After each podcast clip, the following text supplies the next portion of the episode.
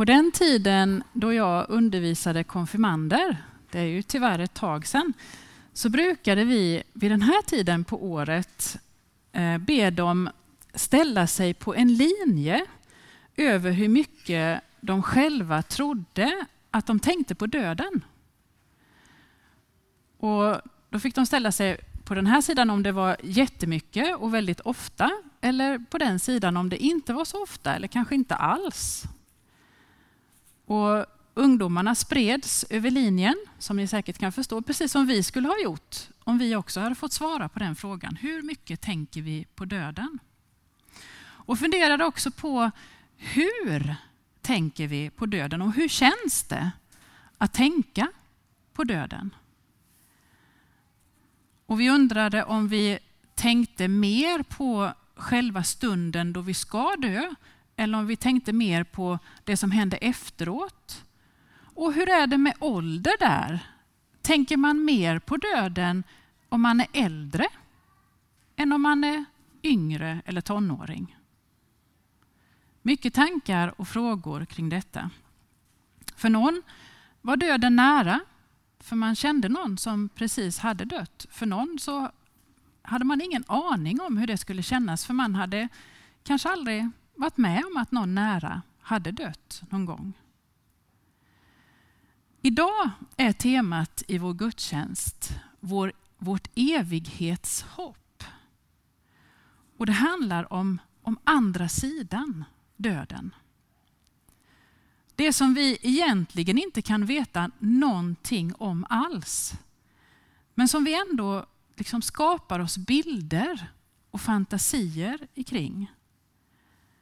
Och vi läste texten ur Uppenbarelseboken och inga delade några tankar kring den. Och jag tänker att de verserna, de är som att få se en liten, liten nyckelhålsbild av en fantastisk stor målning som Johannes försöker ge oss i Uppenbarelseboken. Och där färgerna i själva målningen blir till i orden ingen förbannelse ska finnas mer. Ingen behöver längre ljus från någon lampa eller solens ljus, ty Herren Gud ska lysa över dem. Det blir färgerna i den här målningen.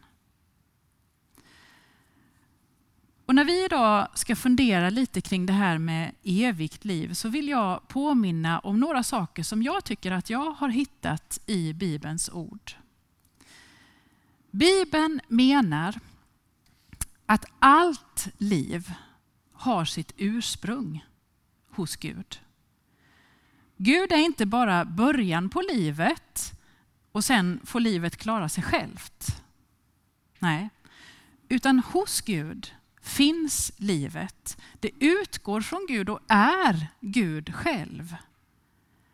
Och därför är liv inte bara att existeras och existera och finnas till, utan liv är så mycket mer. Det är att leva i kärlek, i gemenskap, i ömsesidighet, i beroende och sårbarhet. För allt detta har sin källa och sitt ursprung hos Gud och hör ihop med livet.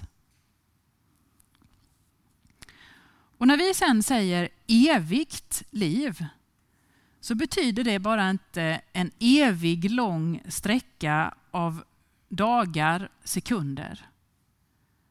Utan evigt liv handlar om en kvalitet, ett djup av liv hos Gud som är oändligt.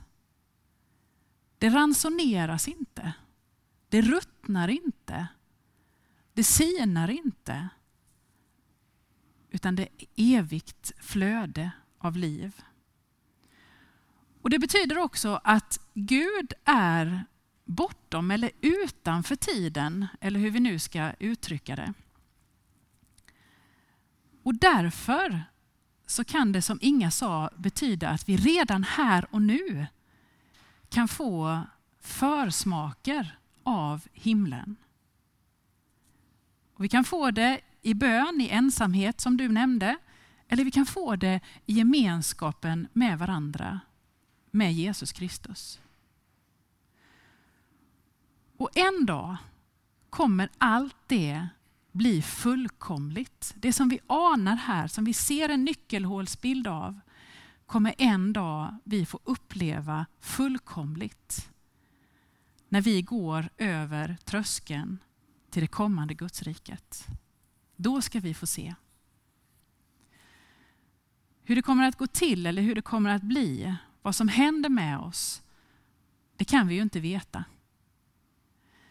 I många årtusenden så har människan på olika sätt trott att själen är odödlig och att vi liksom här och nu är fångna i kroppen och när vi dör så blir vi en gång för alla fria.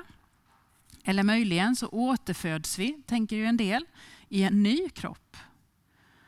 Och kanske har det varit en tröst för människan att tänka så, att få hoppas på en fortsättning utan våra begränsade kroppar och personligheter. Men priset för den fortsättningen blir väldigt högt.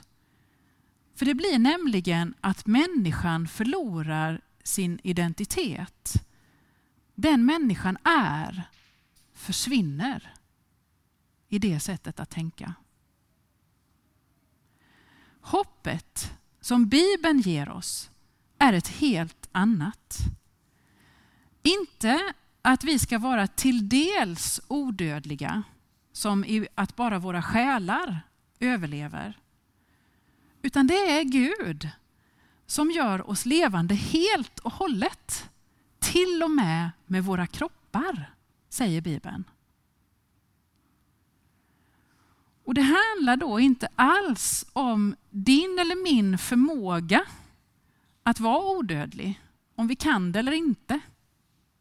Det handlar inte om vad vi har gjort i det här livet som skulle kunna medverka till att vi var så duktiga så att vi får klättra några pinnhål till på livets stege. Det handlar om att Gud älskar oss så innerligt och gör de döda levande genom Jesus Kristus som med sin egen kropp besegrade döden och med sin egen kropp uppstod. Alltså Jesus har gått före oss och berett vägen för oss genom döden. Och när Paulus, som har skrivit flera av breven i Nya Testamentet, när han ska försöka beskriva och förklara detta för de kristna i Korint, så använder han bilden av ett, av ett frö. När vi dör är vi ett frö som sätts i jorden. Och vi, vad vi ska uppstå till, det vet bara Gud som har skapat fröet. Paulus säger, hur uppstår de döda? Hurdan kropp har de när de kommer? Men vilken enfaldig fråga. Det du sår får inte liv om det inte dör. Och när du sår är det inte den blivande växten du sår utan ett naket sädeskorn eller något annat frö. Men Gud ger det den gestalt som han har bestämt och varje frö får sin egen gestalt. Så är det också med de dödas uppståndelse. Det som blir sått förgängligt uppstår oförgängligt. Det som blir sått föraktat uppstår i härlighet. Det som blir sått svagt uppstår fullt av kraft.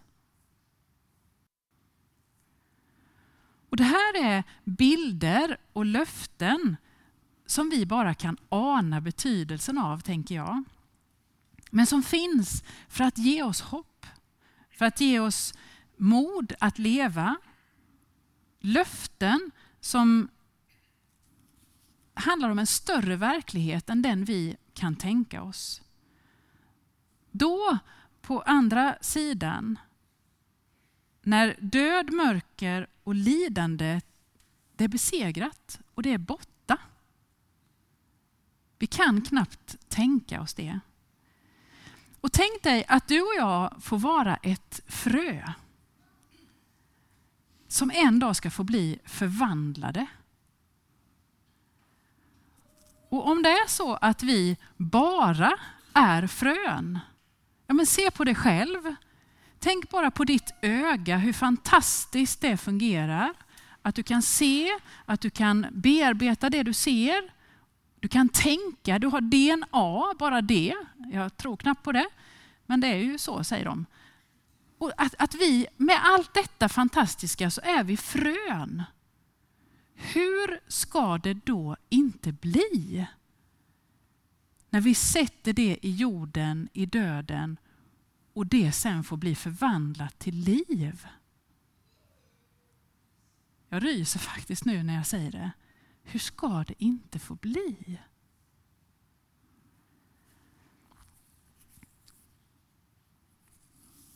Själva platsen som vi ska få komma till fick aposteln Johannes, som vi läste, en glimt av i sin uppenbarelse. I bilden som vi läste så blir vi återigen påminda om det här att det är från Gud som livet utgår. Floden rinner, stod det, ifrån tronen, från Guds och Lammets, alltså Jesu tron. Och om Gud skulle sluta att ge så skulle floden sluta att rinna, livet skulle sluta. Floden skulle sina och allt torka. Livet kommer från Gud och utgår hela tiden från Gud. Det är ett flöde. Och där finns livets träd som bär frukt tolv gånger om året. Som en bild för att vi ska inte behöva sakna någonting. Och så det som, som jag personligen tycker största av allt. Vi ska få se hans ansikte. Vi ska få se hans ansikte. Och Jag tänker mig att det är som att efter en lång tid som ett litet barn inte få se sin kärleksfulla förälders ansikte, men så plötsligt är det där. Du vet hur glad ett litet barn blir av att le leka titt ut med sin mamma eller pappa. Och bara pappan eller mamman gömmer sitt ansikte bakom händerna en liten stund och sen, ni vet precis hur glad barnet blir. Jag tänker mig att det, det snuddar vid den glädjen som vi ska få känna när vi ska få se hans ansikte. Och det ansiktet är det som jag, som kanske du också behöver för att få mod, för att få hopp, ork att leva och som är kärlek just för mig, just för dig. En del av oss kanske har fått vara utan det ansiktet alldeles för lång tid. Så vi är nära på att ha glömt hur det är att möta det ansiktet. Men ändå så tror jag att den där längtan som vi ibland kan känna i vårt bröst, det handlar just om längtan att få se det ansiktet. Längtan efter att få ljuset, få kraften, kärleken i blicken, leendet som säger mig att jag är jag och jag duger. Jag är värd att se på. Jag är värd att älskas. Det ansiktet. Jag tänker mig att det är det ansiktet som Petrus fick möta när han skakad och tillintetgjord efter en misslyckad fisketur ändå fick uppleva den otroliga nåden och rikedomen i all fisken som han fick. När han faller ner och säger till Jesus, lämna mig, jag är en syndare, inte värd att bli sedd av ditt ansikte. Och då vänds ansiktet till honom ändå och säger, var inte rädd. Och så får Petrus sitt livs uppdrag att bli människofiskare. Jag tänker mig att det är det ansiktet som den blinde Bartimaios längtar efter när han ropade Jesus, Davids son, förbarma dig över mig. och det ansiktet som var det första som han fick se när han fick sin syn tillbaka. Jag tänker mig att det är det ansiktet som den dödsdömda kvinnan, dömd av alla och utdömd av sig själv, aldrig någonsin hoppades på att få se när hon blev slängd av de andra inför Jesus. Men när de andra hade gått utan att kasta en enda sten så vågar hon till slut lyfta sitt ansikte och möter ansiktet som säger, inte heller jag dömer dig. Gå nu, synda inte mer.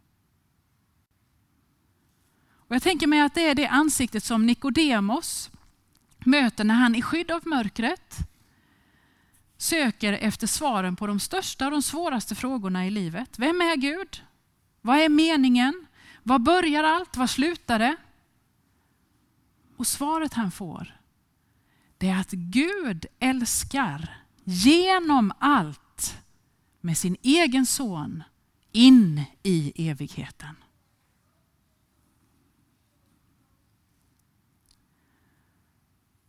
Och när Bibeln talar om att vi ska få se hans ansikte så handlar det just om att Gud har ett ansikte. Gud är inte bara en gas eller en energi eller en osynlig kraft. Utan Gud är konkret. Med ett ansikte vänt emot oss varje dag. Gud är verklig och med sin kärlek och sitt liv kan han förvandla våra liv till levande om vi så skulle dö. I nåd från Herren Jesus Kristus åt oss alla.